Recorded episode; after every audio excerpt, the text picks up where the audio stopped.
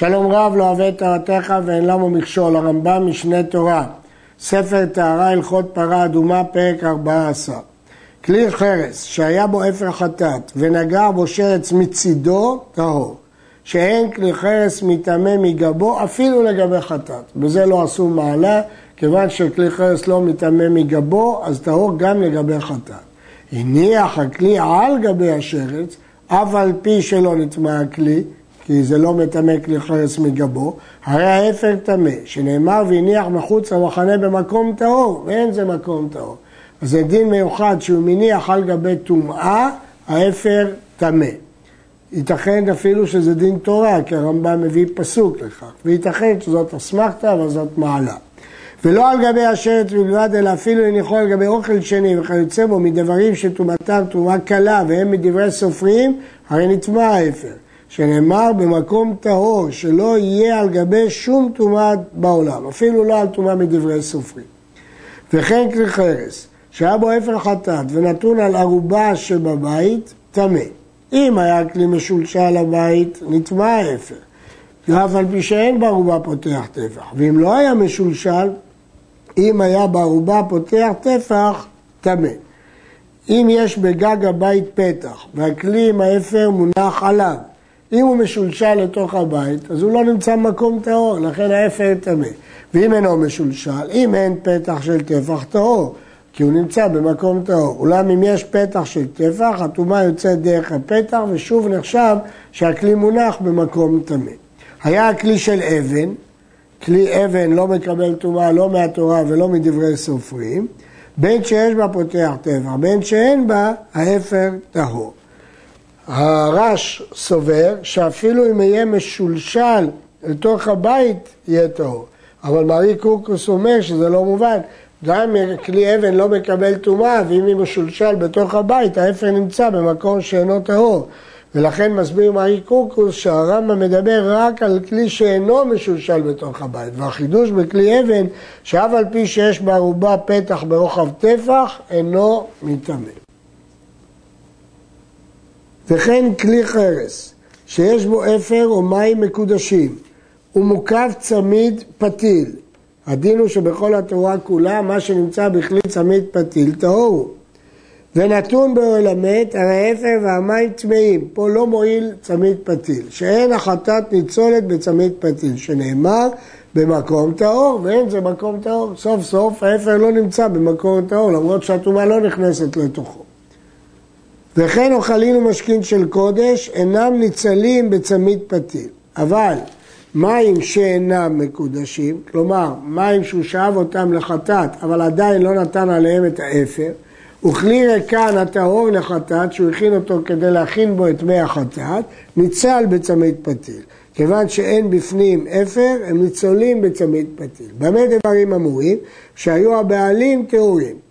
אבל אם נטמעו הבעלים, נפסלו המים בכל מקום שהם. כיצד?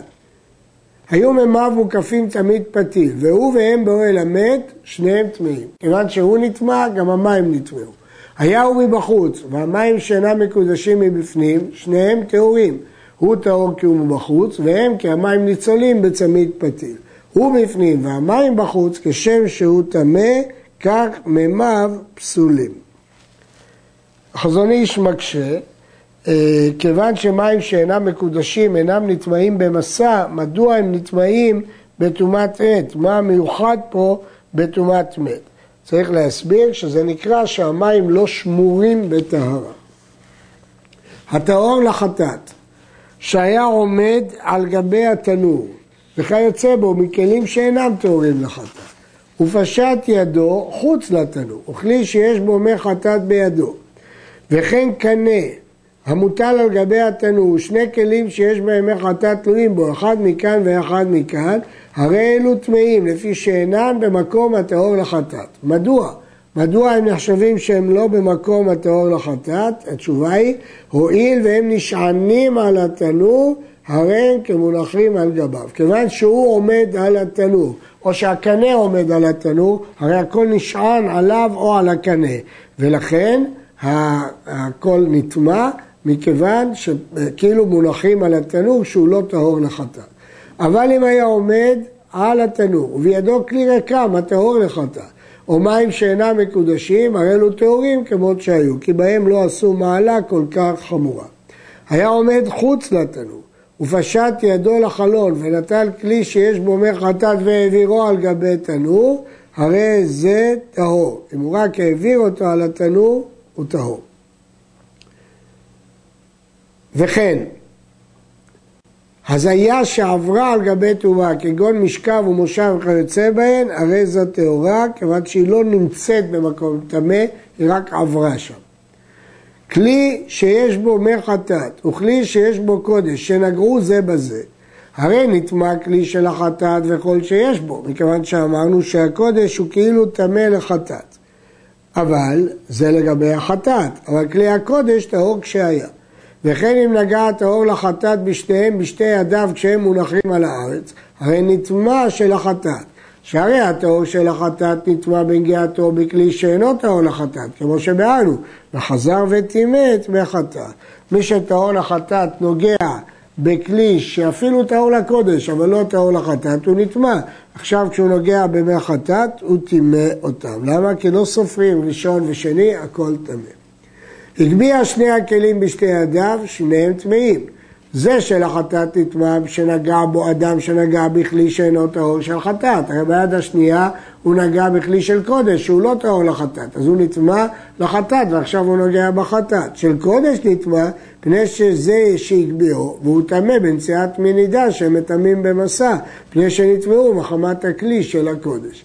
המי נידה נטמעו כיוון שהם נטמעו הנושא אותם טמא כיוון שהנושא אותם טמא, אז הוא מטמא במסע את, אה, גם את הקודש. ויש לשאול, הרי מני דם מטמאים במסע כשהם כשרים, אבל אם נטמעו המים בכך שנגע בהם מי שנגע בכלי קודש, אז איבדו מקדושתם. אז מדוע נושא אותם מטמא במסע? החידוש הוא, אף על פי שנטמעו מחמת הכלי, עדיין הם מטמאים במסע.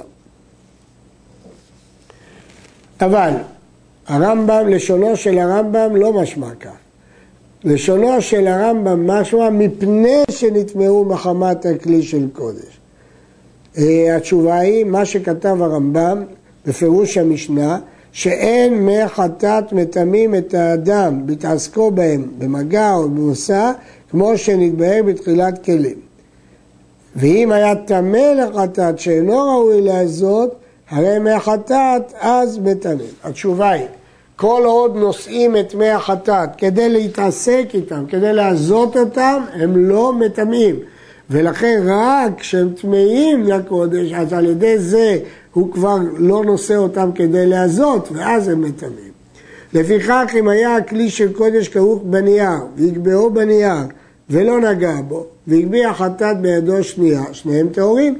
שהרי לא נגע בכלי ולא נטמע לחטאת. אבל אם היה נוגע בכלי הקודש בידו, אפילו היה של חטאת בנייר, שניהם טמאים, זה חומרה של מי חטאת. הסית את שני הכלים בידו ולא נגע בהם, שניהם טהורים. שאין הכלי שאינו טהור לחטאת מטמא את הטהור לחטאת עד שיגע בו בידו. אלא אם כן היה ראוי למדרס כמו שבארנו. לעיל בפרק י"ג הרמב"ם באר שבהסת בלי נגיעה לא מטמא כלי שלא טהור לחטאת את החטאת. כל ספק הטומאות שהוא טהור לגבי תרומה כמו שהתבהר, הכוונה בהלכות שאר אבות הטומאות, הרי הוא טהור לחטאת.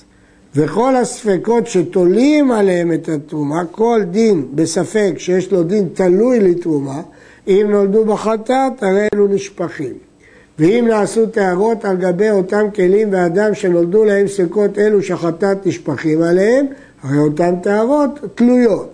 והרפפות אינם ככלים, הרפפות צווחות של עץ, והרי הן טהורות לתרומה ולקודש ולחטאת כי אין להם דין של כלים. דבלה של תרומה שנפלה לתוך מי חטאת, ונטלה ואכלה. אם יש בה קבצה, המים טמאים, בין שהייתה הדבלה טמאה, בין שהייתה טהורה.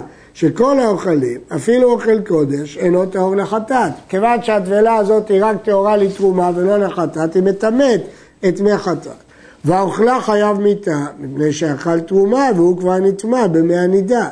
כיוון שהוא נטמע במי נידה, אז הוא טמא, וטמא שאוכל תרומה טהורה חייב מיתה. ואם אין בה קבצה, המים טהורים, מכיוון שאין בה קבצה אז היא לא יכולה לטמא את המים.